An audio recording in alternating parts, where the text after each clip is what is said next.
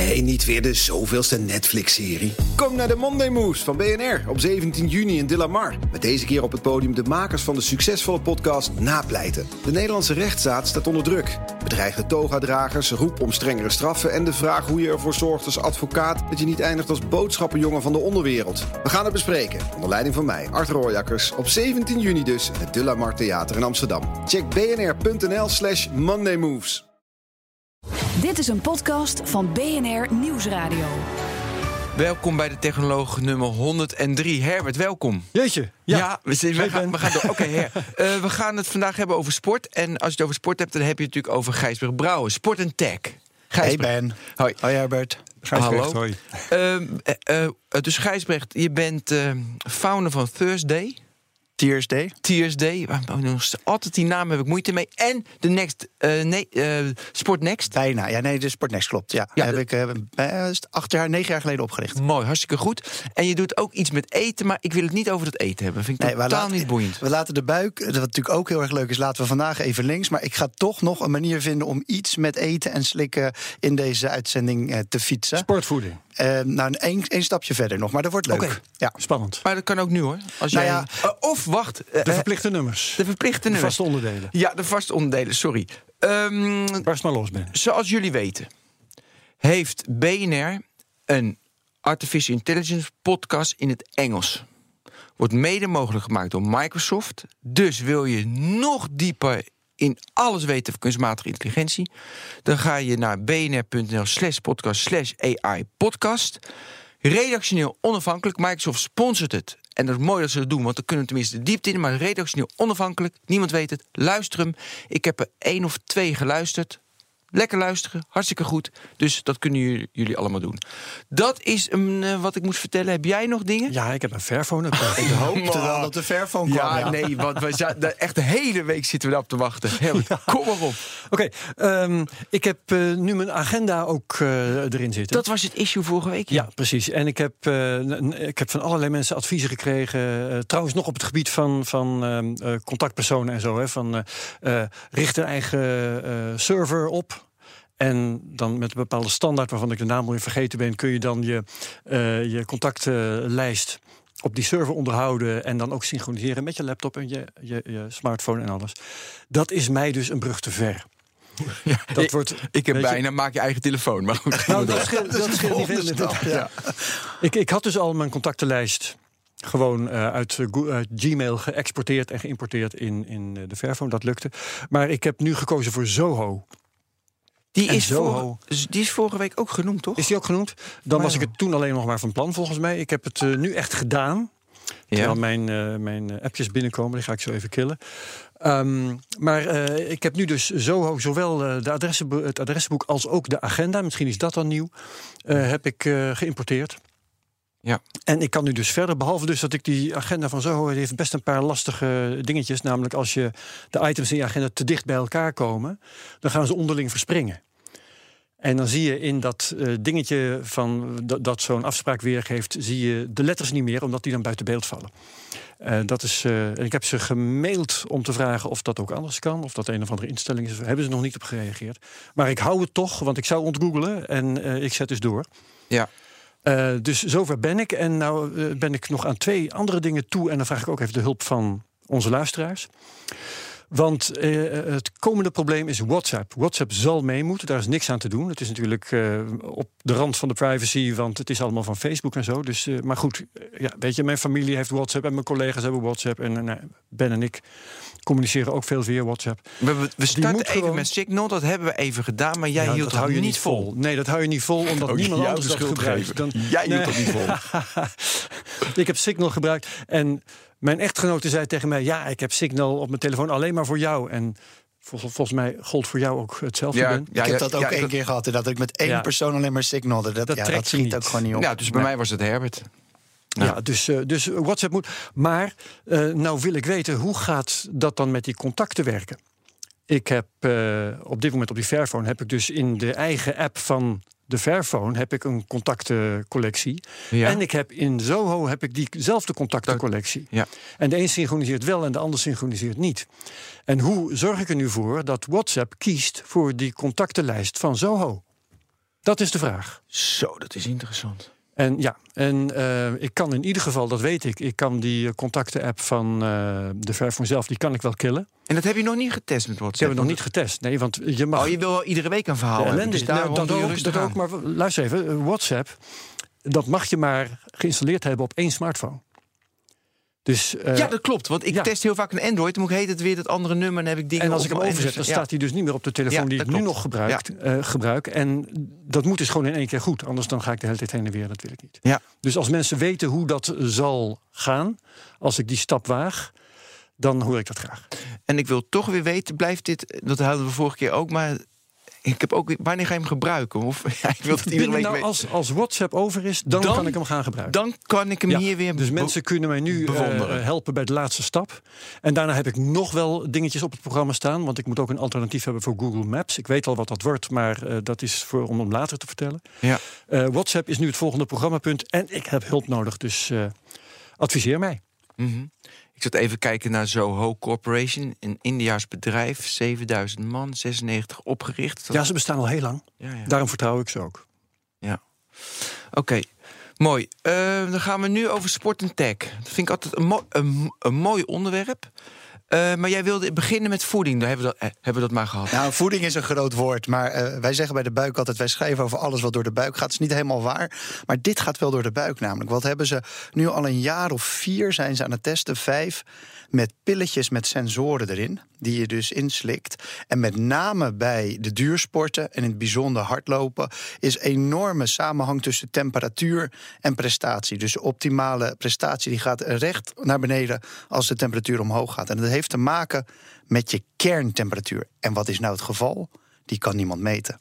Die kan. Niemand meten. Want dat ding zit midden in je. Die kerntemperatuur zit in het midden van je. Maar bij Maarten van der Weijden hadden ze ook iets ingebracht... waarbij zijn kerntemperatuur werd ge- gemeten. Bij Maarten zal het zijn dat hij niet te koud werd. Precies. Ja, en dat kan ik me zeker ook voorstellen. Bijvoorbeeld voor wintersporten. Als eh, hè, mijn eigen sport, langlaufen of jouw sport als het buiten is. En niet op de, op de baan. Dat je dat wil weten. Maar bij die hardlopers is het 12 tot 14 graden. Dan loop je de beste marathon. Nou, ik wil het straks nog wel een paar keer over de marathon hebben. Maar.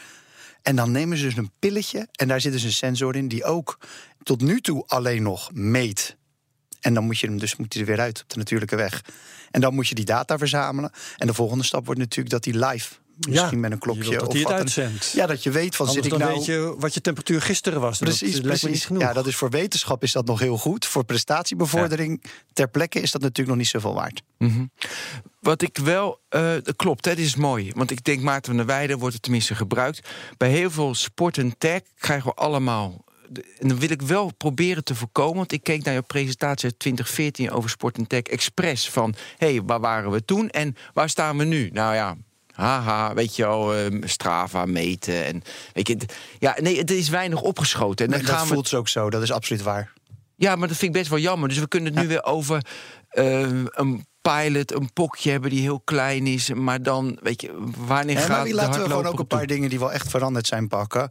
En eh, dat, dat is prima. En ik denk dat je, eh, dat we, daar begin ik net over marathon. Of daarom kan je ook bijvoorbeeld kijken eh, naar, de, naar het wielrennen of naar voetbal. Er gebeurt echt wel Ja. wat, maar het zijn geen sprongen. Daar moeten we wel eerlijk in zijn. Ja, ik stel voor dat we met de sporten beginnen... en dat we naar de supporters en de sponsors... Het, het, de omgeving omheen ook allemaal belangrijk is. Want dat is Ja. ook allemaal veranderd door technologie, hoe je sport beleeft. Maar de sporter is misschien wel leuk. Nou, het is, dat merkte je ook aan toen jij die, de vraag op Twitter stelde hoe onze eh, luisteraars reageerden. Dat, dat is toch waar het eerst waar ze over beginnen. Inderdaad, Strava. Of eh, wordt- gebeurt er al, wordt er al gebiohacked of dat soort dingen. Dat heeft toch heel erg met de sporter zelf te maken. Ja, in de praktijk, ehm, omdat ik uit de sport kom, weet je, zie ik dat de sport. Weet je, er wordt veel over gesproken en het is veel theorie. Maar bij heel veel sporters. mm, de technologie gebruiken daarbij. Ja, natuurlijk hartslag meten, maar dat gebeurt ook al 25 jaar. En maar dat de, is het, het mooie wat de je volgende zegt. stap is toch lastig. Toen in, in de voorbereiding op deze show zat ik even te denken. En, en, en Ben is nog een klein beetje ouder dan ik. Maar we komen ongeveer uit hetzelfde eh, tijdperk. En ik, wij hadden ruitjespapier. Dus dan had je een hartslagmeter. en die hield, die hield dus bij wel. Moet niet te veel. Mocht je niet. Voor mijn sport was het lastig. Als ik langer dan twee uur ging sporten. Dan zat mijn hartslagmeter vol. Dan moest ik hem op één keer per minuut of één keer per vijf minuten zetten. En dan ging je dat daarna uittekenen op ruitjespapier. Nou, ergens halverwege eind jaren 80, begin jaren 90 kon je dat dan al klikken aan de computer. En toen ging het natuurlijk wel heel snel. was dat, ja. ja. En, Maar toch. en, maar die hartslagmeter is nog steeds, de data die je daaruit haalt, wordt nog praktisch op dezelfde manier gebruikt. Ja, we bepalen een bepaalde marge waar je binnen moet blijven. Dan bouw je aan je duur of bouw je aan je versnelling. Of ben je aan het uitrusten. Dat zijn ongeveer de drie niveaus waar je, waar je, waar je op werkt. Dat is dus inderdaad waar. Dat is al een hele tijd best wel hetzelfde gebleven. Maar zie Zal ik, zal ik iets, iets eh, noemen wat, mij wat voor mij nieuw was en wat mij ongelooflijk fascineerde? Toen ehm, deze zomer eh, een van de begeleiders van Tom Dumoulin ging vertellen hoe Ja. hij die tijdrit had Heerlijk. geoptimaliseerd. Dat vond ik zo fantastisch. Dat hij dus op een, op een helling maximaal ging. En daarna bijvoorbeeld in de afdaling eh, niet maximaal ging om te herstellen. Waarom? Omdat je in de afdaling met die hoge snelheid... dan kun je helemaal het snot voor de ogen ja. fietsen... maar het levert niet zoveel meer op. Ja, omdat het toch wel hard gaat. Dat was een mooi film. En het is goed om te investeren in, in Ja. die eh, weg omhoog. Want daar boek je echt rendement van je inspanning. Ja. En dat vond ik zo'n schitterend verhaal. Want dan kun je dus die hele tijdrit plannen. Hadden ze ook gedaan met grafieken en ik weet niet wat allemaal.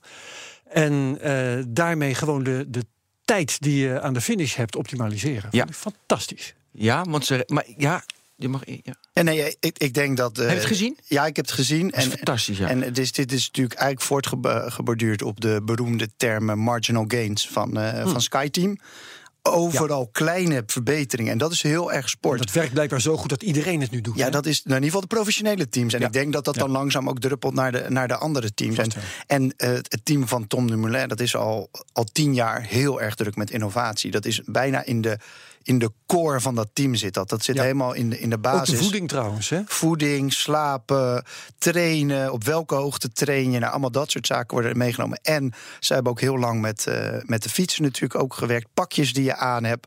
Maar dit is eigenlijk het mooiste voorbeeld. Omdat het toch wel weer heel dicht bij de sport zelf komt. Ik vind het natuurlijk super mooi om, om nog een iets slimmer fietsje te hebben. Maar kijk, dit is gewoon goed sporten. Optimaal sporten eigenlijk. Ja, ik wil, maar ik wil toch reageren, want dat vind ik heel mooi. Hè? Dus je weet je vermogen, hebt, heeft, eh, heeft net uitgelegd. En, en, en toch, weet je wel, eh, je hebt die testen gedaan. Dus normaal gesproken weet je van op dat stukje weg moet ik 100% geven en dan moet ik iets minder geven. Maar je hebt een menselijk lichaam, je hebt anders geslapen. Toch weet je, werd ik s'nachts ineens wakker. Er zijn onvolkomenheden waardoor het toch anders is. En dan, dat zegt Tom, en dat zegt Tom Dumoulin zelf ook. Waarom werd hij geen wereldkampioen? Wat is precies hetzelfde anders gedaan? Ja, de, weet je, dus er zijn altijd elementen. En, en de elementen die je dan nog zou willen hebben, is bijvoorbeeld heel erg lactaat. Weet je, wat, wat best wel een vaag begrip is. Dus hartslag is gerelateerd aan lactaat. En, en daar zit nog wel heel veel te winnen, volgens mij. Er is nog heel veel te winnen. En, en, en zeg maar, drie minuten geleden zeg je van... gaat het nou wel zo snel? Zitten ze het niet allemaal af te Ja, maar houden? dit voorbeeld met, eh, met wielrennen vind ik wel inderdaad, denk ik ineens, want dat was ik helemaal vergeten. Dat gaat Ah, maar wel snel. er zijn twee dingen. Wat, ik, ik ben een, een aantal keer naar dit soort, soort van megacongressen over sport en data geweest. En, en eigenlijk altijd welke topclub of welke organisatie je ook vraagt, is die data, die gegevens, die wetenschap, die is misschien nog niet ver genoeg, maar die is er wel. Maar de implementatie, daar gaat het vaak mis. En waar zit dat dan in? Een coach is een oud sporter, is vaak ook letterlijk een oud sporter. Dus die is ook alweer wat ouder dan de sporter zelf. En 40, 50, maar in voetbal kan het ook gewoon de 60, 70 zijn. Waar heeft die coach het van geleerd? Van zijn coach. Dus dan zit je dus ineens 50 jaar terug in de tijd. En letterlijk, Ja. dat gebeurt nog. Dus die coach meekrijgen, die dan vaak nog met, hè, met een hoop aplomb binnenkomt. En dus dat, daarom moet je zo'n organisatie, en daarom is het voorbeeld van, eh, van de ploeg van eh, Tom de Moulin wel mooi.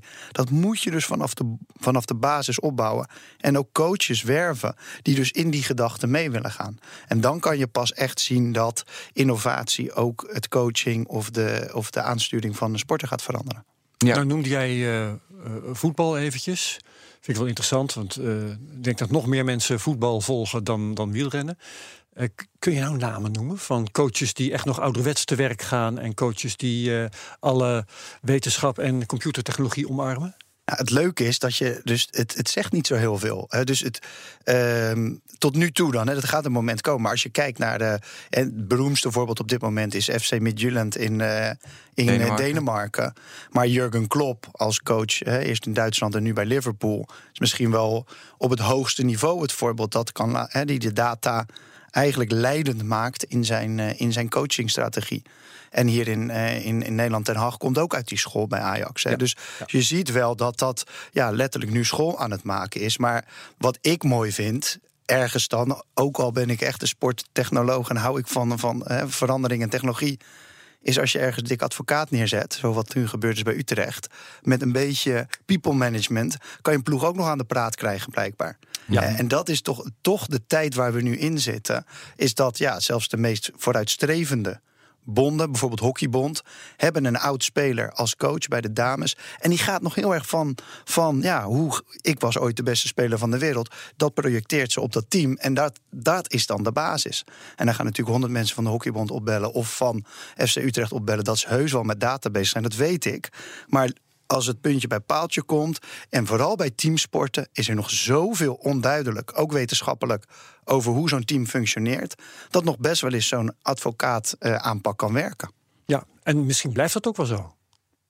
Of denk jij van niet? Want uh, kijk, je kunt honderdduizend keer uh, data analyseren en, en, het rendement van de speler uitrekenen. Maar als hij op een gegeven moment met een schop onder zijn kont drie keer zo hard gaat lopen, dan helpt dat misschien ook wel. Ja, dus dat is, dat is nu de, de, zeker in de, in de wereld van, van de teamsport, wordt nu wel echt de volgende soort van grote sprong, wordt team dynamics. Dus hoe functioneert een team beter? Moet je misschien niet de beste sporter erin zetten, maar de beste voor het team erin zetten. Ja. En dat, is, dat durven ze nu nog niet zo goed. Dat wordt wel gedaan en zo wordt wel gekeken. Maar voordat die, ja, dan gaat het dus, weet je, voetbal is natuurlijk sowieso een sport met oneindig veel mogelijkheden. Met elf uh, Lionel Messi's win je niet. Nee, precies. En, en dan is dat wielrennen, die, en zeker de tijdrit, waar je bijna alles kan, kan je nog niet alles optimaliseren. Maar kan je wel veel optimaliseren. Dat is natuurlijk toch tussen aanhalingstekens een stuk makkelijker. Voetbal, ja, als de eentje slecht geslapen heeft, dan verandert dus het hele team. Mhm. Dus dat is, daar, zit nog, daar zit nog heel veel ruimte. En ik denk dat als je het nou hebt over innovatie, dat is hele onzichtbare innovatie. En in, dat zie je in het voetbal veel meer. Dat is ook zorgen dat iemand niet geblesseerd raakt. Dat is, he, die, er zijn poppetjes in, in, of nou merkenvoetbal is of NBA of voetbal. He, dat is allemaal contactsporten. Nou ja, als je iemand daar, en, en zeker in de NFL, dat doen ze maar echt een, een heel klein aantal wedstrijden per jaar. Dat zijn er soms maar 20, 30. Ja, als er dan iemand geblesseerd raakt, dan verlies je hem voor een kwart van de competitie. Ja, ze betalen die jongens 20, 30 miljoen soms. Dat is een hoop geld dat je weggaat. Dus daar zit bijvoorbeeld ook heel veel innovatie in. In mensen gewoon fit houden. Ja, mag ik even terug naar dat wielrennen? Even eh, de vergelijking toen Gerry Kneteman fietste. En nu, waar zie jij allemaal die, die, die, dat de technologie geholpen heeft dat Tom Dumoulin veel harder fietst? Ja, het begint natuurlijk met de fiets zelf die, is, die, is, die is niet meer van metaal of aluminium. Maar natuurlijk van glasvezel of van een, een andere carbon. Ja, carbon. Of weet je, dit is, die, die zijn veel stijver, veel lichter. En dan heb ik het echt alleen nog maar over het frame zelf. Want alles in die fiets, tot de versnellingen die geautomatiseerd zijn tot de, nou ja, de, de ketting die anders is, de remmen. Alles is daarin verbeterd. Ook zelfs de houding. Hè. Dat had je in de jaren 80, 90 ineens dat die fietsen soort van allemaal naar voren kantelde. Mhm. Daar heeft eh, de, uh, eigenlijk de internationale uh, fietsbond heeft daar toen een halt aan geroepen. Zeg van ja, mag niet mag niet helemaal een gekke fiets ja, maken. Dat moet er nog wel uitzien als een fiets. Ja, dat was dat akkefietje met Graham O'Brien. Precies. Ja, dat is een legendarische man. Die, ging die, ging op zijn die schot ging op zijn stuur hangen. En daardoor fietste hij een wereld. Maar er is toch ook een minimumgewicht vastgesteld voor een fiets? Dat is, er, toch? Dat is het. Hè? Dus dat, daar, wordt, daar wordt ook altijd naartoe gewerkt. Dat valt nog niet mee hoor, om die te halen. Dat is, uh, het is niet dat je nog een gewichtje erop moet hangen over het oh, algemeen. Dat wou ik net vragen, ja. En, zou dan eens twee eh, kilo hebben. En, uh, en dus één is de fiets zelf. Twee is zonder meer eigenlijk alles wat het lichaam betreft. Dus, dus zowel de training, optimalisatie, fit zijn, fit zijn op het juiste moment, pieken, pieken als het moet. Dus voor Tom Dumoulin geldt dat bijvoorbeeld te denken van... ja, kan ik wel meegaan met alles in die eerste week? Of zorg hmm. ik dat ik in die derde week van die Tour of die Giro... eigenlijk nog genoeg over heb? En pak ik daar wat ik verloren heb in die eerste week weer terug? Dat soort kennis is ook echt aanwezig. Maar is het bij Tom Dumoulin... weet je, vroeger ging, je, ging iemand gewoon acht uur fietsen. Nou, ik ga, ik ga acht uur fietsen, lekker. Uh, is bij Tom Dumoulin iedere dag, iedere training, iedere nachtrust...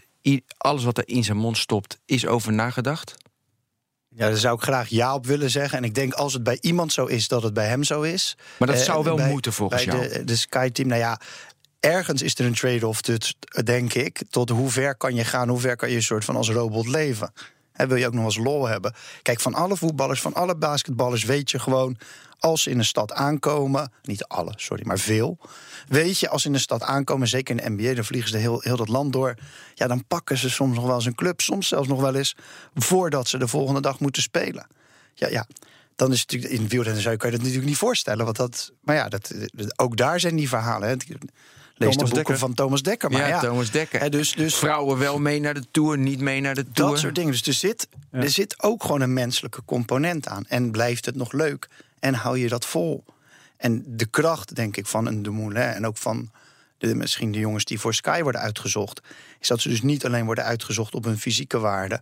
maar ook op kunnen ze eigenlijk naar de letter van Ja. het team leven. En houden ze dat vol. En dat eh, helpt niet als je het een jaar volhoudt. Want Tom, die was in, in, in, zeg maar in 2008, 2009 was die ook al goed. Ja. Maar geen schim van wat hij nu is. Tien jaar lang heeft hij helemaal volgens dat systeem gewerkt. En nu is hij zo goed als hij is. Ja, wat ik dan interessant vind, dat er dus ontwikkeling is dat je steeds meer, ook in de sport, misschien in sport te voorlopen, omdat alles wordt uitvergroot, dat je een robot wordt. Dus de samenleving wordt veel meer ja, nee, 0, 1. Maar dus ook in, in sport zie je dat ook, die sporter. Weet je, een club te spreken, ja, dat kan toch niet, maar ze doen het wel, want ja, je bent een mens. Maar wanneer ben je een mens, wanneer ben je een robot? En het gaat dus naar die robot toe.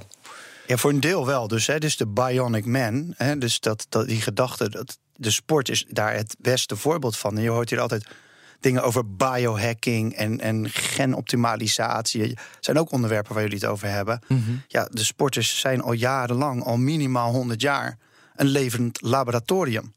En dus de, de, de, de jongens die aan de amfetamine gingen... of de enorme hoeveelheden bloed die in de jaren 80 naar binnen Ja. werden geschoven... dat is allemaal biohacking geweest.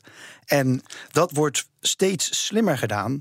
En soms binnen de wet. Hè. Dus dan zie je bijvoorbeeld dat, dat Sky dat vorig jaar gedaan heeft binnen het toelaatbare. Maar wel weer allemaal maar aan die knopjes draaien. Ja. Om ervoor te zorgen dat die lijven nog sterker, nog beter worden. Ja, dat gaat uiteindelijk gaat dat natuurlijk niet werken als je dan even inderdaad twee, eh, twee glazen alcohol de avond tevoren neemt. Dus dat soort zaken wordt wel steeds meer uitgesloten. En ik denk, Ben, dat eh, in het wielrennen... dat daar dat leven als een robot eh, nog wel lukt. In ieder geval voor de duur van een Tour de France. Terwijl in eh, teamsport, eh, voetbal en nou ja, NBA en dat soort dingen... Ja. daar is elke wedstrijd er één. En dat moet je, zou je het een heel seizoen moeten volhouden. En ik denk dat ze dat niet opbrengen. Maar ik denk zeker types als Tom Dumoulin en de, de meeste kopmannen... dat die echt wel drie weken kunnen leven als Ja. een monnik. Omdat het, het komt nou eenmaal aan op die drie weken. Dat bepaalt je succes, bepaalt je carrière enzovoort. Maar en, en dan vind ik het interessant. Naar mijn idee wordt de sport, weet je, vroeger was het hoger, sneller, krachtiger. En het wordt steeds meer dat de populaire sporten, dat is een spelletje, dat onverwachte, dat we, dus het menselijke. Weet je, voetbal is populair. Mysterieuze krachten in Het mysterieuze kracht in de sport. In plaats van eh, weet je, schaatsen op tijd, zwemmen op tijd, weet je, atletiek Nou ja, op kijk, tijd. neem je eigen sport. We gaan in één keer weer met z'n allen buiten schaatsen. Waarom is dat? Omdat dat een bepaalde mystiek enerzijds... maar ook omdat het onverwachte elementen toevoegt. De dynamiek van sport, de kwaliteit van sport zit ook in onverwachte winnaars. Daarom wordt er zo gepiept de afgelopen jaren over de Tour... als we toch weer bij het wielrennen wil zijn. Omdat Sky altijd wint aan het eind. Die kunnen dat helemaal zo managen dat ze uiteindelijk winnen. En dat is natuurlijk het, het, eh, het interessante van teamsporten. En toch hadden we in de zijn- Tour een onverwachte winnaar. Ja, maar toch weer van Sky. Ja, dat is waar. Ja, Dus maar en dat de teamsporten hebben veel, omdat die, gewoon als je puur statistisch gaat berekenen, zijn er zoveel meer uitkomsten mogelijk bij een teamsport. Dat, en zeker bij voetbal, waar helemaal niet zoveel doelpunten gescoord worden, dat er dus ook gewoon spectaculaire dingen kunnen Ja, gebeuren. maar het is dus een aardig contrast. Want aan de ene kant worden we meer een robot gemaakt door de technologisering. En aan de andere kant in de sport, alles wordt uitvergroot, houden we meer van de mystiek en het, het openlaten. Nee, maar de- dus ik dus denk bij dat het het één op- één op één met elkaar te maken heeft. Want je ziet natuurlijk, het saaie voetbal is een opmars. Hè, gewoon goed Ja. verdedigen. En, dus, en dat is wetenschapsvoetbal. Dat is hè, de- het 0-1 voetbal. De uitslagen worden al jaren worden die, worden die lager, zeg maar. Nou, dan zie je dus dat er gezocht wordt naar van... zijn er geen manieren om dat te doorbreken of om het spannender te maken. Maar ik wil wel een kanttekening plaatsen bij wat jij zegt. Want ehm, ik ben het met je eens dat het leuk is bij voetbal bijvoorbeeld... als er ook eens een keer iets eh, onverwachts gebeurt. En als je niet eh, dat gerobotiseerde eh, balletje breed en balletje terug op de keeper de hele tijd ziet. Ehm, maar je wilt niet bijvoorbeeld bij schaatsen... dat de wereldkampioen wordt bepaald door het weer. En je wilt niet dat bij eh, voetbal eh, de winnaar wordt bepaald door een fout van de scheidsrechter. Ik ben maar er zit- gek op die VAR bijvoorbeeld. Dat vind ik echt geweldig. Nou, dat, ja en nee, want je ziet bijvoorbeeld dat eh, bij buitensport, bijvoorbeeld bij wielrennen of bij langlaufen, dan kan het weer wel invloed hebben. En sommige mensen doen beter als het regent. Die durven meer met de afdaling. Of als het koud is, kunnen ze nog steeds omhoog. Ja, dat, Of- maar goed, en dan zijn het wel... Is zijn de omstandigheden voor iedereen gelijk, Zeker. maar heb je wel een andere winnaar. Ja, en bij scha dat is waar. Dus dan, eh, dan heb je een andere winnaar doordat eh, ja, die winnaar Ja. beter past bij de, de omstandigheden, om maar zo te zeggen. Ja. Maar bij schaatsen kan het gebeuren dat die, de winnaar wordt bepaald omdat eh, die toevallig kon rijden terwijl het zonnetje Ja, scheen. ja. En de- terwijl de ander moest rijden in een sneeuwbui. Ja. Dat is niet leuk. Ja, maar aan de, de klopt dit. Eens. Aan de andere kant, uiteindelijk wint met schaatsen ook altijd de beste.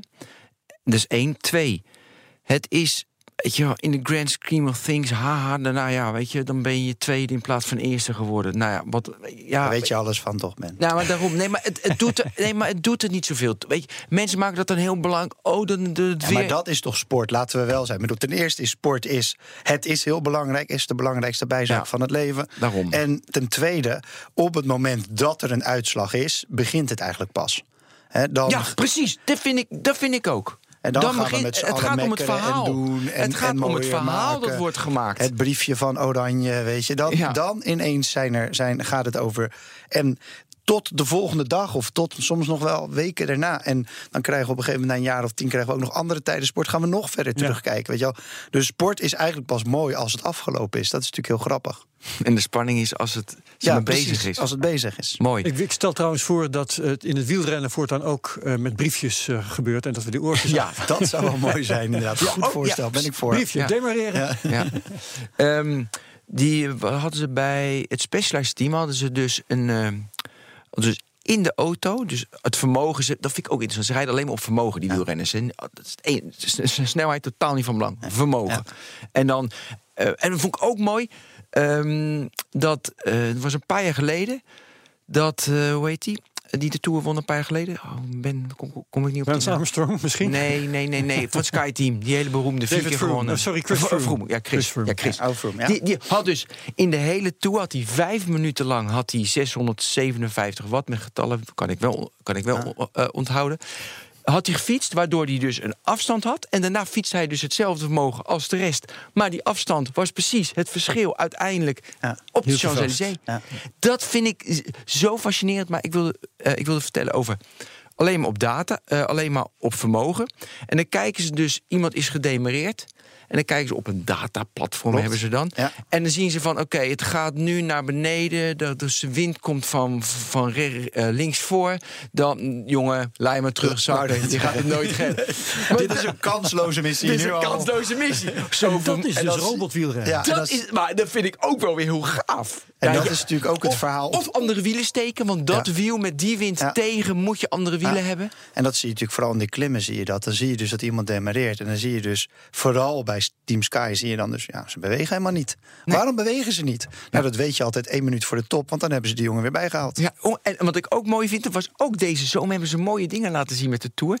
Dat je dus in die waaier rijden, dat je midden in het peloton, wat was het, 10 of 15 procent van je vermogen, maar ja, 10 of Volgens mij 5. verschilt er nog veel meer. Maar dat, eh, Nee, maar van, het, het wel zeg maar van 100% vermogen was het 10, als je midden in het peloton op de juiste plek 10% maar van je vermogen. Hoeveel is het dus gewoon? 10% is natuurlijk heel veel.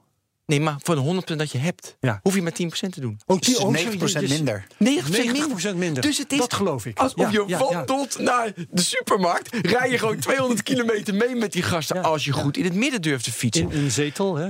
Dat over robotfietsen, dat allemaal weten. En dan gaan we weer knokken wie dan in het midden mag fietsen. Wow. Oké, Dat zijn mooie ontwikkelingen. ook moet. gevaarlijk trouwens in het midden fietsen. Ja, en je moet het kunnen, want het is heel fysiek. In is het midden ben je natuurlijk het meest... Ja. Dan moet je echt... Want je wordt altijd naar buiten geduwd. Ga dan maar juist eens met vanwege 40 die door de bocht heen. Ja. Ja, zie je veel eh, brain training in sport terug? Nou ja, ik jouw bedrijf heeft er een aardig eh, handje van gehad natuurlijk. Of heeft er een aardig handje van. Het Ja, is- met Beyond Sports, met Ja, virtuality. ja. Maar ik bedoel ook ehm, dat je... Nou ja, dat is, dat is een voorbeeld. Dat vind ik een, eigenlijk een heel mooi voorbeeld. Want eh, het, het nadeel van sport, en, en, en zeker van die full contact sporten, of, of in ieder geval contactsporten, niet full contact, maar als voetbal en als, eh, en als die, eigenlijk alle andere balsporten, behalve basketbal, is dat je veel klap op je hoofd krijgt. En of op je lijf. Maar hoofd vind ik eigenlijk nog het is, is de heftigste op dit moment.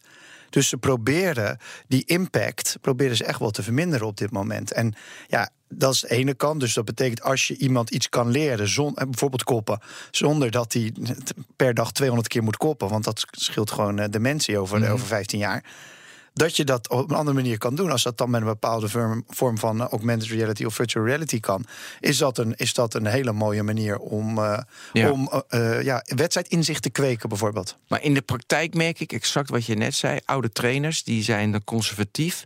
Dat het in het trainingsregime meegaat dat je brain training doet, is best wel lastig. Weet je, dat, dat zijn ze.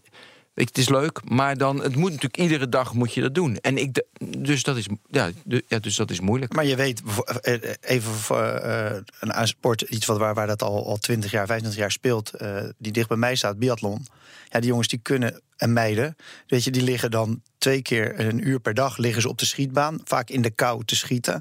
Ja, s'avonds ze thuis zijn, dan skis zijn afgedaan, weet ik het niet allemaal, dan zijn ze altijd nog minimaal een half uur, een uur zijn ze, dat noemen ze dan droogschieten. Ja, dat is ook gewoon brain training. Gaan ze gewoon met dat wapen, mikken ze op, op vijf puntjes op de muur, die misschien maar een meter weg zijn, en gaan ze schieten. Gaan Is ze dat hetzelfde als het uitrijden van een wielrenner? nou ja, maar meer nog trainen eigenlijk. Dus zorgen dat, die, ja. Dat, die, dat, dat, dat, dat focussen, die ademhaling die erbij hoort, precies goed schieten, dat dat gewoon erin geslepen wordt.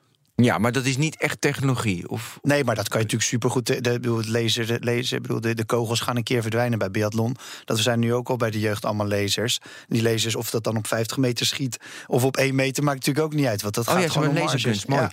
Ja. en ik dacht met, eh, met heel veel sport natuurlijk gewoon video kijken... waardoor je analyseert, Ja. waardoor je het ook visualiseert. Maar- maar en dat is ook training. Ik hoor iets waar ik meer over wil horen. Die kogels gaan verdwijnen. Je- het gaat toch niet zo zijn dat het schieten wordt vervangen... doordat je een, een laserlampje even daar in die roos moet mikken? Ja, kijk, dit, een van de aller... Want dat kan iedereen, volgens mij. Nee, nee, ja, dat is dus absoluut niet zo. Dat gaat, maar dit, wordt, dit is een van de lastigste uitdagingen van biathlon op dit moment. Is, ja, het is gewoon echt heel slecht voor het milieu natuurlijk. Ik bedoel, dit, die, al dat lood, dat dondert overal neer. En er wordt natuurlijk gewoon geschoten. Er gaat allerlei eh, verbranding vindt ter plaatse. Het is helemaal niet per se goed. En dat zal in, over de grand scheme of things... valt natuurlijk in het niks met één vliegtuig... met eh, Formule 1-wagens die naar de andere kant van de wereld vliegen. Maar toch speelt dat wel mee. Dat is één. Tweede is natuurlijk gewoon een risico aan bij biathlon. Gewoon een kogel kan iemand doodmaken. Ja. En drie, het is heel duur. Een kogeltje kost gewoon heel veel. Niet één, maar je moet 200 keer schieten per dag of nog meer. Een laser kost in principe niks. Of een beetje stroom. En that's it. Dus daarom, zeker voor de jeugd, die zijn bijna allemaal al op, eh, op laser overgeschakeld. Het zou kunnen zijn dat je het allerhoogste niveau nog wel het echte schieten houdt. Maar langzaam maar zeker wordt die hele keten wordt, eh, verlaserd. Mhm. Moeten we... eh, Ik ben er helemaal stil van. Ja, joh, in die kleine dingen. Nee, maar moeten we dus de sporten? Zie jij nog meer in hoe die sporten. Ja, wat ik ook. Je had die bandjes vroeger, dat had je in 2014, dat je je lactaat kan meten en zo. Dit is is het allemaal hele- iets dit- geworden? Of Dit, is, dit vind ik een van de interessantste dingen natuurlijk is... kijk, als je het hebt over sport, heb je natuurlijk topsport... en je hebt gewoon wij gaan sporten. Nou ja, wij we, waren- we doen tot nu toe topsport Ja, doen. Maar we gaan straks ja. over wij gaan sporten. Ja, en oké, maar dan als je zelfs naar die topsport kijkt, dan zie je dus dat daar, ja, eh, die jongens die op het, als je nu een willekeurige training van, nou laten we Ajax nemen, kijkt, hebben ze allemaal hesjes aan. Niet vroeger zoals oranje versus geel of de hesjes tegen de niet-hesjes. Nee, die hebben hesjes aan, die data collecteren. Soms trekken ze een shirt uit en denk je, hè, draagt hij nou een BH? Exact. Ja, Ja, serieus. En, dan, en die data, die worden dus dat begon met Ja, Max hartslagmeters is hier geweest in een aflevering, weet ik veel wat. Ja. En hij zit ook in die Microsoft eh, Artificial Intelligence podcast. Ja, ja, ja. Nou ja, Ma- Max is natuurlijk een van de voorlopers hier in, eh, in Nederland geweest. En, maar dat gaat dus inderdaad eh, over, over bio, zeg maar, informatie. Dus wat is je hartslag? Lactaat zijn ze nu mee bezig dat je die kan meten door je huid heen. Zodat je dus niet een, een prik hoeft te doen. Hè, hè? Dus dat, maar dat hangt ook al een paar jaar in de lucht. Daar heb ik Ja, nog steeds geen echte Nee, hè? doorbraak van En wat gehoord. heb je daar dan aan? Want eh, als, Oh, dat ik, als alle- ik verzuur, voel ik het zo ook wel. Ja, nee, maar, altijd. ze gaan, maar je bezuring begint. Kijk, de, de truc met, met, met eigenlijk alle sport is, is, is kan, hoe ver kan je gaan zonder dat je te ver gaat. Ja. En daar zijn een aantal. Of hoe lang kan je het maximale volhouden Precies, met heel is- veel lactaat? Dat is, dat is de, dus die twee dingen samen Mhm. vormen. En de een is dan de sprintkant, de ander is de, is de, is de duursportkant. Ja. En voetballers zitten daar een beetje tussenin, want die moeten 90 minuten of tennissers, die moeten soms nog Gewoon een langer uur lang sprinten. fit blijven. Maar als je lactaat dus zeg maar oploopt in de eerste helft al heel erg, dan weet je gewoon tweede helft ga je gewoon veel minder lopen. Ja. Maar nu doen ze dat natuurlijk met hartslag. En hartslag is indirect. Yo, ik heb meegemaakt, Herbert, dan was mijn hartslag eh, echt laag. En mijn, la- eh, en mijn lactaat, weet je, kwam niet omhoog. Weet je, gewoon... Ik, ik heb andersom meegemaakt dat ik een hele een uur lang op 190, 195 Ja, ja, aan, het, aan het skiën was. En, die, en uiteindelijk was ik nog super fit en kon ik de eindsprint makkelijk Ja, aangaan. precies. Dus die, Eh, er eh, zit wel een samenhang tussen, maar, maar- die is niet perfect. En Nee. het gaat uiteindelijk, en dat is natuurlijk het, het mooie van wetenschap is... en natuurlijk van al deze ontwikkelingen is... zeker bij duursport, maar ook bij teamsport wel... het moet naar het individu teruggerekend gaan worden. Uiteindelijk moet jij weten, en daarom is het Tom Dumoulin voorbeeld natuurlijk zo mooi... moet jij weten wat die ene individu, wat zijn hartslag, zijn lactaat of haar hartslag, haar lactaat is en wat, die, eh, wat dat voor impact heeft. Want die wetenschappelijke zaken die gelden voor de grote massa, gelden sowieso al niet voor topsporters. Maar als ze wel gelden voor topsporters, gelden ze vaak niet voor dit ene specifieke geval. Maar wat ik dan graag wil weten is, je kunt dus blijkbaar nu dat lactaat meten. Ja. Dus dan gaat dat omhoog eh, eh, bij mij en ik voel nog niks. Wie gaat mij dan vertellen wat ik moet doen? Maar dit is precies het punt natuurlijk. Hier is, dit is de, de crux. En je dus, als je nu kijkt, dan gaan we toch naar, naar zelfsporten. Maar eh, als je nu kijkt naar. Er wordt heel veel data verzameld. je moet wel antwoord geven, hoor. Nee, uiteindelijk moet het op een iets wat tegen jou klets, moet dat natuurlijk gaan. gaan eh, i- iets dus moet jou of, of, het is een geven. app of, iets of het is een trainer, dat Of is voor een, mij ook goed. mag ook naar de trainer, dat is natuurlijk Nee, wat nu ja. veel gebeurt. Maar het wordt een klokje of het wordt een, eh, een, een dingetje in je oortje. En wat oor. kan ik dan doen? Moet ik gewoon op tijd gas terugnemen of zo? Is Nou ja, dat dan- zo simpel? Kijk, het is heel simpel. Nu doe je het op je hartslag. Dus dan zeg je van bij, Ja, hon- bij 170, 180. dan heb ik 4 millimol. Dat is zo'n omslagpunt noemen ze. En bij millimol, daarna ga je verzuren of niet. En dat doe je nu. Maar de ene keer, en dat is het rare, ben je helemaal kapot bij 170. Dat je denkt van, ik Ja. kan niet meer. En dan is je lactaat bijvoorbeeld nog maar 3. En soms denk je van, ik vlieg. En bij daarom zeg 170, jij dat is je lactaat is lactaat belangrijker dan die hartslag. veel belangrijker. Dus wat je nu gaat doen, nu gaat die voetballer op zijn horloge of in zijn oortje zien van, jongen, ik zie Briefje? Briefje. ja, want briefje. Ja, Bij dat, voetbal mag geen horloge, mag geen oortje. precies. Dat, Matthijs, dat is Ja, een briefje. denk om je lactaat. Briefjes mogen wel. En dan zit je dus op vier. Papieren vliegtuig. En als je dan op 5, 6 zit, dan weet je van, hmm, moet een be- ik, ik loop een keer niet op een bal. Nou, dat is zuiverder dan hartslag. Dus Ja. Nee, dat is absoluut. En eh, voor een coach, zeker bij teamsport, kan het ook gewoon betekenen eh, gaan wisselen. Ja, wisselen. Want Top. hij is Ja. gewoon niet fit Ja, genoeg dan vandaag. gaat straks dingen verkeerd doen. Ja, ja. Maar goed, wij hadden weer topsport, want ik wilde even die uitleggen. Nu ga jij weer, want je wilde die combi maken naar Nou ja, wat je ziet De- is dus de, de, amateur. Het maakt eigenlijk niet, daar maakt het niet zoveel uit. Want je hebt, de, de, de, zij hebben natuurlijk, topsport heeft veel mooiere apparaten, kan veel meer, heeft natuurlijk coaches, veel meer coaches om Ja. data te Maar analyseren. moeten we het eigenlijk over de amateur hebben? Nou ja, omdat er veel meer van zijn misschien. Ja, Kijk, de business voor een Strava of de business voor een Nike of de business voor Zwift zit natuurlijk niet in die, in Nee, die, weet ik, is heel die belangrijk. paar honderd eh, topsporters, maar die zit in die, in die 6 miljard of 8 miljard. 7,5, waar zitten we? 7,5 miljard mensen. 7,328 nog Ja. iets. Dus die, en, eh, en dat is, als je ook kijkt naar sport, bedoel, eh, topsport is uiteindelijk gewoon, dient maar één doel, vermaak. En daar kan je heel lang over praten. Maar linksom of rechtsom is het altijd een De vorm van... entertainmentindustrie Is het gewoon is het. entertainment, is het. Terwijl sporten voor de massa eh, dient veel andere doelen. Dus eh, gezondheid, ehm, maatschappelijke participatie, weet je, meedoen, inclusief sporten, heel groot thema op dit moment. Dus daar liggen, als je daar mensen die eerst niet sporten of eerst niet goed sporten, beter kan laten sporten, zijn de maatschappelijke gevolgen veel groter. En ook de financiële, economische gevolgen, het maar ook gewoon welzijn, welvaart, veel groter. Dus daar ligt eigenlijk de grote, eh, wat mij betreft, de grote uitdaging en ook de grote impact van technologie in sport. Ik vind het hartstikke leuk als je straks met eh, e-wagens gaat rijden in plaats van met, met gewoon benzineslurpende V8's of V6'en. Hartstikke leuk, maar ja, dat is circus, is dat. Weet je wel? Als wij eh, 10% meer kunnen laten sporten, of mensen die sporten, die eigenlijk zaggerijnig sporten, sporten leuk kunnen laten vinden. Of mensen die niet kunnen sporten omdat ze een, een kapotte knie hebben, omdat ze verkeerd lopen. Die knie, kapotte knie kunnen voorkomen en daardoor kunnen laten sporten. Dan is de maatschappelijke impact, ja, dat is bijna niet te overzien. Ja, welke technologie zie jij de laatste jaren vanaf je presentatie in 2014 eh, is geïntroduceerd waardoor meer mensen gaan sporten? Want het is best wel populair nu sporten, bewegen, gezondheid. Nou ja, het is dat- best wel hip. Het is hip omdat er dus deze Nee, druk hip, achter zit. moet je zeggen. Oh, hip. Ja. Omdat deze druk vanuit, eigenlijk vanuit, nou ja, noem het maar verzekeraars, overheid, ehm, producenten van, van, van sportmateriaal, die maken sport natuurlijk hip. En, en, en de grap is, als je dan één technologie mag aanwijzen die sporten enorm heeft uh, gedemocratiseerd, zou ik bijna zeggen, is Instagram. Oh. ja, Ja, dit, is leuk. dit is Ja. even een, een bocht. Nee, maar ik, ik, begrijp hem wel. Ja, ik begrijp hem ook, maar... Ja, het is niet wat je wil horen natuurlijk. Maar het is de, de verbetering. Die, al die coach-apps en al die, eh, die, die grappige dingetjes die uitgevonden worden op dit moment. Al die. die eh, technologieën, VR, AR, alle apps, alle eh, eh, weet het, Internet of Things-achtige dingen. Het komt, denk ik, maar het is er nog niet. Het is allemaal nog marginaal. Terwijl laten zien dat je sport, en Ja. sport inderdaad, nou ja, hoe je het ook uitspreekt, maar hip maken of trendy maken, kan bepaalde doelgroepen die minder sporten, meer laten sporten. En het eerst hebben we dat gezien met dames. Gewoon het vrouwen hardlopen, om maar als voorbeeld te nemen, is groeit veel harder dan het mannen hardlopen. En dat heeft gewoon te maken met dat een aantal merken de- dat als doelgroep omarmd hebben en populair hebben gemaakt. En hoe is dat gegaan? Ja, via Instagram. Dus geweldig verhaal. Ja, dus de Ja. social pressure van, Ja. van ik loop, jij loopt, we moeten allemaal lopen. Ja. Ja. Wie heeft de mooiste outfit aan? Werd er natuurlijk vaak bij. Hè? Of wie is, wie, ja, precies. Ik heb Ja. daar ben daar geweest. Ik heb, het, eh, ik heb de night run gedaan. Ik ken precies al deze elementen. Dus wij doen altijd, eh, ja, eh, weet je, Facebook en privacy en eh, slechte dingen doen ze.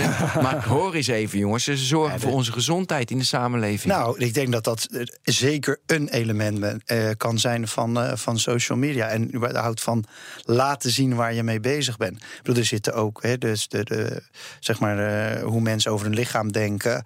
Dat is natuurlijk wel, de, er zit zeker, zeker ook een negatieve kant aan. Mensen doen het niet altijd vanuit eh, een heel positief of iets. Denken van, oh, oh, oh, zij is wel heel slank. Ik moet ook even. ja, ja, dat Of hij is wel heel breed, dus misschien moet ik ook een paar pilletjes nemen. Weet je wel? Dat zit er natuurlijk ook wel achter. Maar het laat dus ehm, dat Instagram heeft ervoor gezorgd dat, dat sporten hip is. Dat, eh, hoe vlak dat af? Of is dat nog steeds stijgende?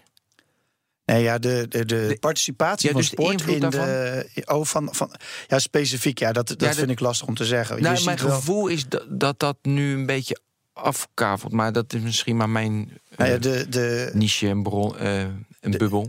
nou, de, sowieso alle eh, zeg maar behavioral change heb je het dan over. Hè. Waarom gaan mensen wel of niet sporten?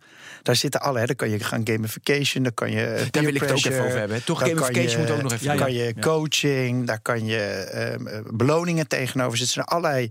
Eh, ehm, ja, er wordt allerlei verschillende ehm, ehm, instrumenten worden daar onderzocht en worden ook gebruikt. En ja, dan zie je wel dat ik geloof dat er in, in, in 2014 of 2015 waren er 100.000 apps op de iPhone en a- Android die mensen probeerden hun sportgedrag of gezondheidsgedrag, pak het iets breder, te veranderen.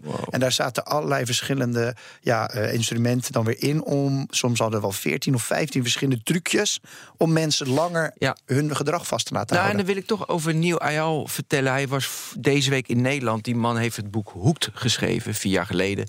Dus eh, ik kreeg gelijk dat boek en dat boek moest ik lezen. En in het boek Hoekt eh, beschrijft hij hoe je mensen verslaafd maakt. Dus op Facebook verslaafd maakt, Instagram verslaafd maakt. Allemaal trucjes. En, eh, en nu heeft dat best wel neg nee, nou ja, dat heeft effecten in de samenleving gehad dat Ja. mensen verslaafd zijn aan hun scherm. En mensen alleen nog heel veel En dan maar schermtijd gebruiken. ja. En dus, dus nou, is En nou brengt Facebook zelf weer een app uit om dat tegen te gaan. Ja, precies. tegen- En het leuke is, Nieuw Ayal, die was dus in Nederland. En nu gaat hij vertellen hoe je dus unhooked kan raken. Dan Ja. ben je ook een verschrikkelijke opportunist. Ja, dus dan heb je altijd brood op de heb plank. je altijd brood op de plank. Maar wat ik het interessante vind, dus nu, weet je wat jij zei, 100.000 stimuleren, gamification.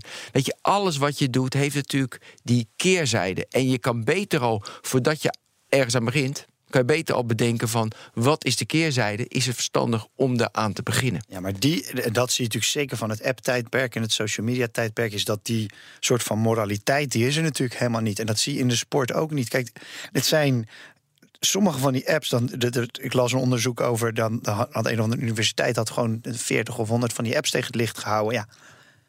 Ja, ze doen veel te weinig met X. Ze doen veel te weinig met dit onderzoek. Ze doen veel te weinig daarmee. Ja, waarom? Het zijn gewoon drie gastjes die een leuk idee hebben. En vaak ook nog letterlijk drie gassies. Hè, dus drie Ja. jonge Op een witte eh, mannen die iets verzinnen vanuit hun, eh, vanuit hun, ge- vanuit, ja, hun eigen perspectief en gaan, gaan klooien. Eh, dus dat, dat hele mo- mo- morele aspect nog even los van hè, hoekt. Maar ook van voor wie maak je nou iets? En is het nou wel wetenschappelijk verantwoord? En past het bij de, de, de ontwikkeling waar we in zitten? Dat is er helemaal niet. Ja, maar het heeft ook met kwaliteit te maken, Herbert. Want jij over je Fairphone, dan ga ik nu over mijn nieuwe Apple Watch hebben. Kom op. Kom op. Ja. Nee, ik heb dus die nieuwe Apple Watch, die versie 4 is dit, geloof ik. En ik had de eerste versie en die was al prima. Maar dit is echt een fijn ding. En wat ik mooi vind, omdat die, hij is heel snel. Hij is echt Apple betaalt hier niet voor trouwens, even voor de goede Wat het mooie nee, is nee, van... ik heb hem zelf betaald gewoon. hoor. Ben, ben, wat het mooie is van die Apple Watch, dat was dus vier jaar geleden was dat een soort panneke. Dat zou de nieuwe iPhone worden. En nu is Ja. het eigenlijk gewoon een soort slim sportapparaat geworden. Die- nou, maar ja. ik gebruik hem dus niet voor, eh, voor sport, want ik sport niet. Maar wat ik mooi vind, is dat zeg maar. niet? er Hij zit- wandelt. Ja, ik wandel. Maar er zit een hele mooie hartslagmeter op. En die was slecht of goed, dat weet ik veel. Maar nu merk ik, en die heb ik gewoon één knop, dan kan ik mijn hartslag meten. Hij pakt hem snel op. En eh, ik was de laatste weken wat moe. Heb je misschien wel gemerkt aan me? Ik, ik voelde me niet helemaal lekker. Najaarsdipje. Ja, en ik ging dus Niet va- gemerkt, maar ga verder. Nee, ik ging vaak. Ja, ik kan dan weer up zijn. Nee, maar ik ging dus vaker mijn hartslagmeter gebruiken. En dus ik vond dat een hele. Dus ik dacht, het is makkelijk. Eén druk op de knop. En daardoor ga je dus wel je health, je fitness ga je doen. Omdat het gewoon een prettig fijn apparaat is. Ja, maar ik- knopje, punt, klaar. En dan keek ik dus wat me. eh, dus hoe laag en hoe hoog die was. Of dat het een beetje in, eh, in balans zit. Maar al die data die nu gewoon... De af, vanaf dat de iPhone er was, zo simpel is het... zijn we data gaan collecten, weet je. Runkeeper was gewoon de dag dat iPhone een eh, GPS was... dus het was de tweede iPhone was dat... is het opgericht. Die hebben nu, dus verkocht aan Essex nu... maar die hebben iets van 40 miljoen, 50 miljoen gebruikers. Die hebben allemaal... In mijn zit al, weet ik veel, 1000, 2000, 3000 trainingen. Nou ben ik misschien een beetje extreem... maar ze zitten daar miljarden, miljarden, miljarden data in. Daar kunnen we nog niet zoveel mee. Ja, want dat wilde ik vragen. Ja. En dat is natuurlijk wat de komende periode gaat veranderen. Dus de eerste stap is, wat betekenen die data nou? Nike heeft hetzelfde, Strava heeft hetzelfde. Ja, maar eens. Het is wel leuk om even met z'n drieën te... Ja, Ja, want, te want ik, fantaseren. ik- toen, eh, toen ik eh, eh, op mijn smartphone die app ontdekte die mijn fietsroutes kon registreren met eh, snelheid op elke plek en al, dat, al dat gedoe. Toen dacht ik, oh leuk. En dan heb ik jarenlang heb ik allerlei van die, eh, van die routes opgeslagen. Tot ik ontdekte dat ik er nooit wat mee deed.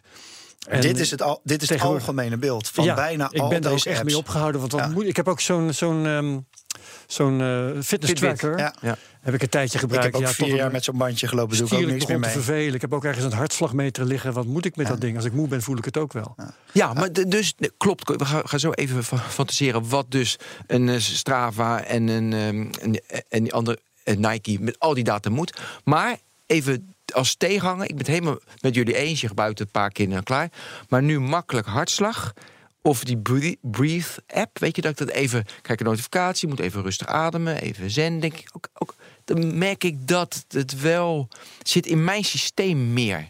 Ja, dat is ook Maar wel. goed, jij Omdat bent je een- topsporter bent geweest. Ja, Doe je en ook een voorloper Nee. in veel dingen. Ja, nee, het, want, nee, maar kijk, ik had het al vier jaar voelt het geleden. toch zelf wel als je moe bent. Ja, maar soms heeft een mens nodig van dat je er een getal aan hangt. Iemand het toespreekt. Ben, Nou ja, dus dit is een drie, dit is slecht. Self-tracking is dat. Ja, dat kan. de, dus de basis van al deze dingen. Ik denk dat. Waarom werkt dit nu? Omdat de, een groot deel van de belofte eraf getrokken is. En dat er gewoon één simpel advies wordt gegeven. En dat, dat wordt nu het eerste wordt, wat, wat nu gaat doen. Loop wat minder. Loop wat op wat zachtere ondergrond. Til je benen wat hoger op. Dat wordt volgens mij, als je het nou hebt over waar gaat nou de, de massa echt wat hebben, wanneer gaan die data wat betekenen. Als je dus een koppeling kan maken tussen bepaalde activiteiten en gevolgen. En kan uitvinden van wat heeft die, dat gevolg bepaald. Dus hey, je werd fitter. hey, je raakte geblesseerd. Ik denk dat dat een van de eerste grote stappen is die gezet gaat worden. Maar dan, dan eh, zijn er nog heel wat beloftes niet vervuld. Want dan moet je eerst een app hebben die in de gaten krijgt dat je pijn hebt. Dus dan moet je dat eh, zelf gaan invullen waarschijnlijk of zo. Want dat zal die maar niet ik- kunnen meten. nee, dus, En, en die app die moet dan ook nog in de gaten hebben dat je je benen hoger had moeten optillen. dat dus zijn daar zit- sensoren die ken ik nog niet. nee, dus, dus en, eh, en dan heb je dus weer over in de toekomst. Maar dus Ja. die, eh, zeg maar, hoe loop je? Ben je gebalanceerd? En dat is nu dan, vooral bij hardlopen zijn ze dat heel erg aan het onderzoeken.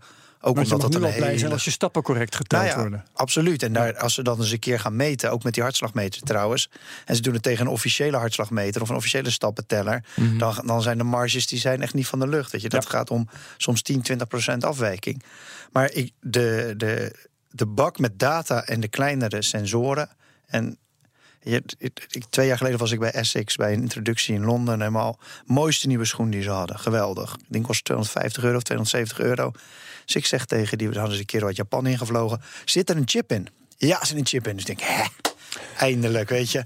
Ik zeg, waar communiceert die chip Wat dan voor mee? chip? Ja. nee, die communiceert met het. eh, is voor het hele logistieke systeem. Dus dan weten we What the als fuck? die, als die zeg maar, of die in Zuid-Afrika is of dat die in Engeland is. En als die zeg maar vanuit het distributiecentrum naar de. Oh, fijn. Nou zal de consument blij mee zijn. Ja, de Dus consument. ik denk, oké, oké. Dus dat was, en dat was echt het aller. Dat was hun flagship schoen, was dat, weet ik wel. Dus die, die, er is nog een enorme winst te halen. Maar je ziet nu wel dat de kennis die ze bijvoorbeeld bij wielrennen wel hebben. hè, Hoe zit je op je fiets? En daarmee proberen eh, blessures te voorkomen. Dat die nu ook aan het, ja, ik noem het maar, democratiseren naar het hardlopen is. Dat gebeurt nu nog met een soort van inlegsoltjes. Of ook met die vestjes, hè, want daar kun je ook prima mee meten of iemand recht staat of niet. Hè. Dus dat, dat die schouders, de hoogte van de schouders bepaalt dus hoe hoog of je vestje, hè, of die, die meet gewoon met een soort van ja, sensortje of je precies recht staat. En dan kunnen ze zeggen, oh, meer belasting op je linkerbeen, meer belasting op je rechterbeen.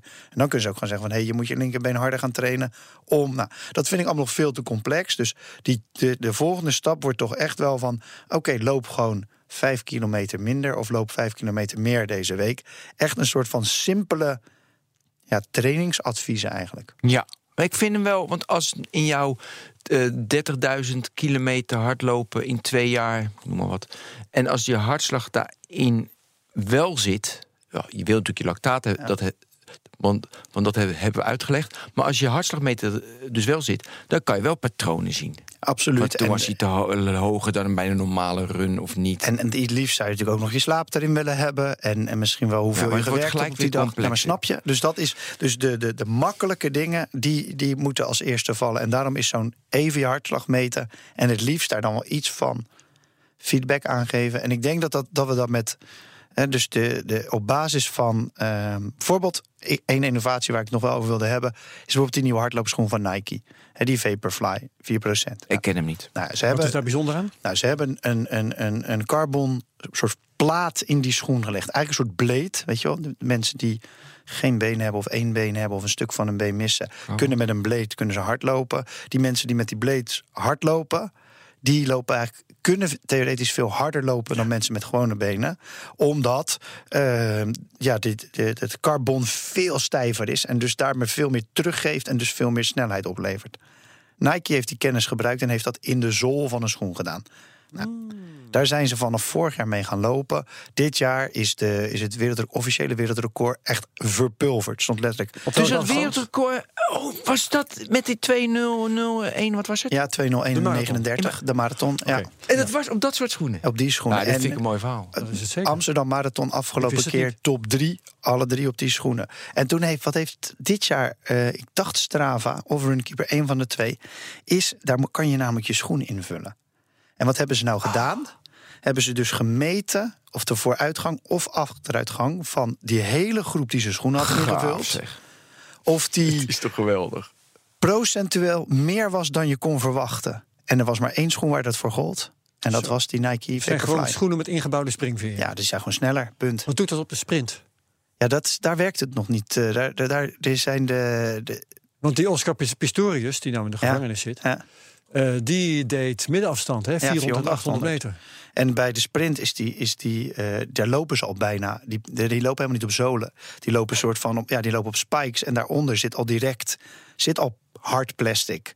En die baan is ook nog eens een keer super hard. Dus daar is dat al best wel Ja, is het- ja, managed, is de winst, zeg maar. eh, de winst misschien minder. Maar wie weet hoor, ik kan me niet voorstellen dat ze dit niet overal nu aan het testen zijn bij Nike. ja, ja, ja. Ja.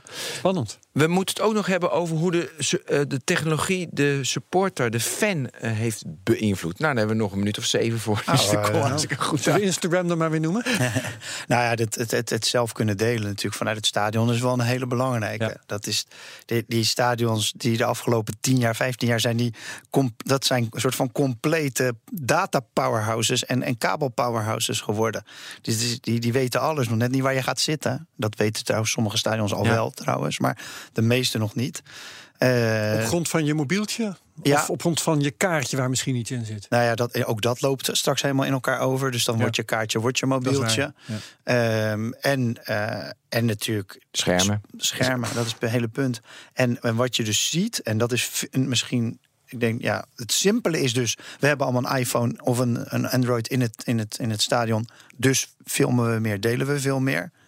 We kunnen ook de apps gebruiken en dat is Ik niet, ik eigenlijk heb veel een minder. Fairphone. Je ziet dus dat in, in veel stadions de upload veel hoger is dan de download. Terwijl dat over het algemeen andersom is natuurlijk. Ja. Ehm, maar wat dat voor gevolgen heeft, dat is veel interessanter. Dus dan zie je dus dat nu de echte vooruitlopen, echte vooruitdenkers, bijvoorbeeld zo'n Adam Silver, de baas van de NBA is dat, dat hij eigenlijk zegt van, moeten wij die sport niet gaan veranderen? Omdat mensen dus die sport tegenwoordig op een heel klein schermpje aan het kijken zijn en meestal maar een aandachtspannen hebben van paar seconden. Die waar vies, ze vroeger een hele wedstrijd prima konden kijken. Dus die zitten al te kijken van kunnen we, moeten we die wedstrijd niet een beetje gaan aanpassen, zodat die zich beter houdt ja, in deze wereld van schermen en van social media. Ja. Ja, dan gaat het meer op het Amerikaanse honkbal lijken. Met eh, lange pauzes en korte actie. Ja, of eh, ehm, nog meer, eh, of simpelere, inderdaad simpele dingen die je makkelijk op een klein scherm kan kijken. Meer dingen die aansluiten, over hoekt gesproken, bij bepaald gamegedrag. Dus waardoor je een- naar een bepaalde climax toe werkt, wat natuurlijk het basketbal sowieso al heel erg heeft. Dat bijna altijd wordt in de laatste minuut wordt de winnaar bepaald bij basketbal. Dus dat soort, dat soort dingen komen dan ook terug. Ja, en ik denk gelijk als je dit vertelt aan cricket, weet je, lekker de hele dag, een paar dagen, rustig aan, jongens. Ja, ja, te zwijgen van wielerwedstrijden. van Wielen met 240 lekker hangen op de bank, heerlijk, er gebeurt niks. Biertje erbij. Ja. Ja. Ja, ja dus ik, dit, dit, eh, elke verandering heeft natuurlijk een tegenreactie. eh, Dat, Ja. is, dat is natuurlijk helemaal waar. En de, de, de, de opkomst van de endurance sports en gekke dingen die gewoon dagen duren, die, die past één op één, vind ik, bij de, bij de schermcultuur die we nu hebben. Eh, als tegenreactie. Als tegenhanger, puur als tegenhanger. Van mensen Ja. die we zeggen, ja, ik, pff, ik vind het helemaal gek van dat kleine schermpje. Ja. En die ruimte en dat ik de hele dag moet zitten. Ik ga zeven, zeven dagen door de Sahara hardlopen. Ja. Maar de technologie is ook zo'n eh, reactie hè, op Ja. eh, de haastigheid van Op het snelle, snelle, snelle. de dagelijkse radio. Ja. Eh, nog andere dingen, dus in het stadion eh, schermpje, schermpje, schermpje. Daardoor verandert de sport. Heeft de sportfan... hij wordt wel beter bediend, heb ik het idee. Weet je, het ziet er mooi, die beelden, jongen, het zijn zo mooi met topcamera shots en ik. analyses. Er is 64 camera's in een, in een, in een, in een, in een stadion. En bij de, waarschijnlijk zijn bij de volgende zijn het er 128. En dan heb ik het nog over professionele camera's. Nog niet eens over al die ING's en weet ik wat niet allemaal daar naar binnen komt rennen dan. Dat is natuurlijk waanzinnig hoe het in beeld gebracht wordt. Data en zelfs data op een leuke manier gebracht. Dat zie je bijvoorbeeld bij Formule 1 heel goed. Hè. Hoeveel vermogen, hoeveel zit er nog in de. Maar ook kan bij wielrennen weer. Ja, Ook heel gaaf. Begint dat Begint eindelijk het te een komen. beetje leuk. Ja. Ik wil het lactaat van Tom Dumoulin volgens Zo, ja, ik ook. Ja, ja, ja, precies. Ja. Van de TV, Want ja. ze, ja, want ze doen nu het vermogen, maar dat Ja. staat erbij. Maar inderdaad, dus dat is natuurlijk ook ideaal. Dus daarin zie je het eh, ook eh, gewoon eh, heel simpel. Doordat je bijvoorbeeld, een heel goed voorbeeld vind ik hier in Nederland, is die coolste baan. Weet je, dat, dat is, ja, kan je, je kan sport door vooruitgang in technologie ook gewoon eigenlijk overal laten plaatsvinden. Dus eh, een van die dingen die het gevolg heeft, Langlaufen was daar twintig jaar geleden al mee bezig. Dat sneeuw kon je overal neergooien. Dus waarom niet in een voetbalstadion? Of midden in de stad. En dat zie je dus met die coolste baan ook. Ja, waarom zou je het, met alle respect, maar helemaal in het noorden in, in Ja. Heerenveen doen? Als je het ook midden in Amsterdam kan doen. En dat is ook technologie natuurlijk. Hè? Bedoel, en het liefst doe je dat dan nog met zonnepanelen, zodat je niet eh, de hele winter eh, natuurlijk eh, gas zit Ja. op te branden. Maar dan heb je dus midden in de stad heb je ineens een sportevenement. Wat je anders nooit meer in de stad zou kunnen hebben. Dus daar zie je ook wel dat, dat ehm, de technologie een enorme impact heeft. Ja. Ehm, moeten we nog over e-sport? Hoeft niet. Heb jij nog andere dingen die jij wil bespreken? Ehm, nou ja, wat, wat jij net zei eh, over, eh, over eh, evenementen in de stad. Ik, ik, ik kwam bij mijn voorbereiding iets tegen over eh, de trend om, om eh, gewoon nieuwe sporten te bedenken en, eh, en nieuwe evenementen te bedenken, omdat dat zo makkelijk is. Ja. Via sociale media Ja. kun je je eigen promotie doen. En dat dat een soort honderd bloemen bloeien effect heeft op de sportwereld, omdat er steeds meer nieuwe sporten ontstaan en, en, en nieuwe evenementen voor bestaande sporten. Ja, Wordt dat belangrijk volgens jou? Nee, dit is een van de trends die ik... Ik, ik schrijf altijd zo'n zo'n zo'n trendlijstje aan het begin van het jaar. En dit is een van de trends Misschien die ik voor het afgelopen lijstje. Hoor. Dat zou kan goed jaar heb, heb, heb benoemd, is die, die het opkomt. Ja, producten zijn makkelijker te maken, zeg maar het Kickstarter-effect. En dat zie je in de, in de sport, zie je dat ook. Ja, als ik samen iets doen, dat, is, dat kost al bijna geen moeite meer. Want het is gewoon een WhatsApp-groep en je kan samen op pad. Nou, als Ja. je dan in, ik noem maar even China, maar als je dan erg of met 3D-printers heel makkelijk bepaalde eh, ja, benodigdheden als een, als, een gek, eh, als een gek bedje of een ander balletje of een bepaalde lijnen die je op moet hangen in een, in een veld kan maken, dan zie je wel grote verschillen. Dat zie je bijvoorbeeld nu de tennissport en in, in, in, in squash zie je dus ineens best wel grote veranderingen, omdat er kleinere veldjes, omdat er is een soort tussenvariant tussen tennis en squash is er, is er uitgekomen. Ja, dat spelen mensen dan toch liever. Dat gaat wat harder, wat sneller. Je hebt een kleiner veld voor nodig. Dat is vooral voor de eigenaren van die baan natuurlijk heel fijn. Ja, Dus dan zie je ineens dat dat best wel snel wordt ingevoerd. En dat, ja, dat, de eerste, dat, dat zou je vroeger niet zo snel verwachten. weet is een Olympische sport. Ja, dat, nou dat ook. Nou, zo is het snowboarden olympisch geworden. En gaan we straks binnenkort, hè, de 2020 gaan we kijken naar boulderen of andere eh, klimsporten die heel snel Ja. om Ja. een soort eh, ja, nep, nep bergje omhoog klimt. Ik heb nog een andere vraag. En dat gaat een beetje van- de hak op de tak. Maar we hebben nu steeds over Tom Dumoulin gehad. Eh, en over steeds, meer, steeds meer data en zo. Ja. Uh, wat hadden we nou twee jaar geleden? Hij reed in de Giro in het roze en hij moest poepen. Nou, precies. Uh, terwijl hij dat blijkbaar niet vroeg genoeg wist. Ja. Dus uh, ik wil eigenlijk gewoon weten, houden ze dat tegenwoordig in de gaten? Nou, het, het, het En verhaal zo, ja, in ieder geval bij, bij zeker bij veel topsporters die tijdens het sporten, en dat gaat vooral om duursporters natuurlijk, naar de wc moeten, is vaak dat ze iets verkeerd gegeten hebben. Hmm. Dus dat is niet een. Het is, normaal weet hij. Het is wel redelijk te plannen, eh, dus een stoelgang. Dus waarschijnlijk had hij een verkeerde gel of was hij gewoon ziek. Dat kan natuurlijk ook. Of Hmm. dat er een virus in zijn, in zijn, in zijn darmen zat. Ja, Maar dus dat, dat geloof ik ook wel. dat, dat is zeker, ja, dat wordt dat, dat, dat als je dat enigszins, en zeker als in het begin van de wedstrijd, is het natuurlijk niet zo'n probleem. En de, de verhalen over letterlijk van hardlopers of wielrenners die even een hand in hun broek doen en alles naar buiten gooien. lopend. Zijn, eh, zijn bekend natuurlijk. Ja, dus, ja, ja. Dus, maar het is meer als het speelt op het moment dat de wedstrijd beslist wordt, dan heb je natuurlijk heb je wel een issue. Mhm. Oké, eh, het uur zit erop. Oké, zo? Oké, Oké, dankjewel Gijs Brecht. Ja, dank jullie wel. Oké, Ja, nee, top. hartstikke goed. Ja, wij ook. Eh, dit, dit was de technoloog nummer 103. Tot de volgende technoloog. Tot ziens. Hoi. Hoi, hoi.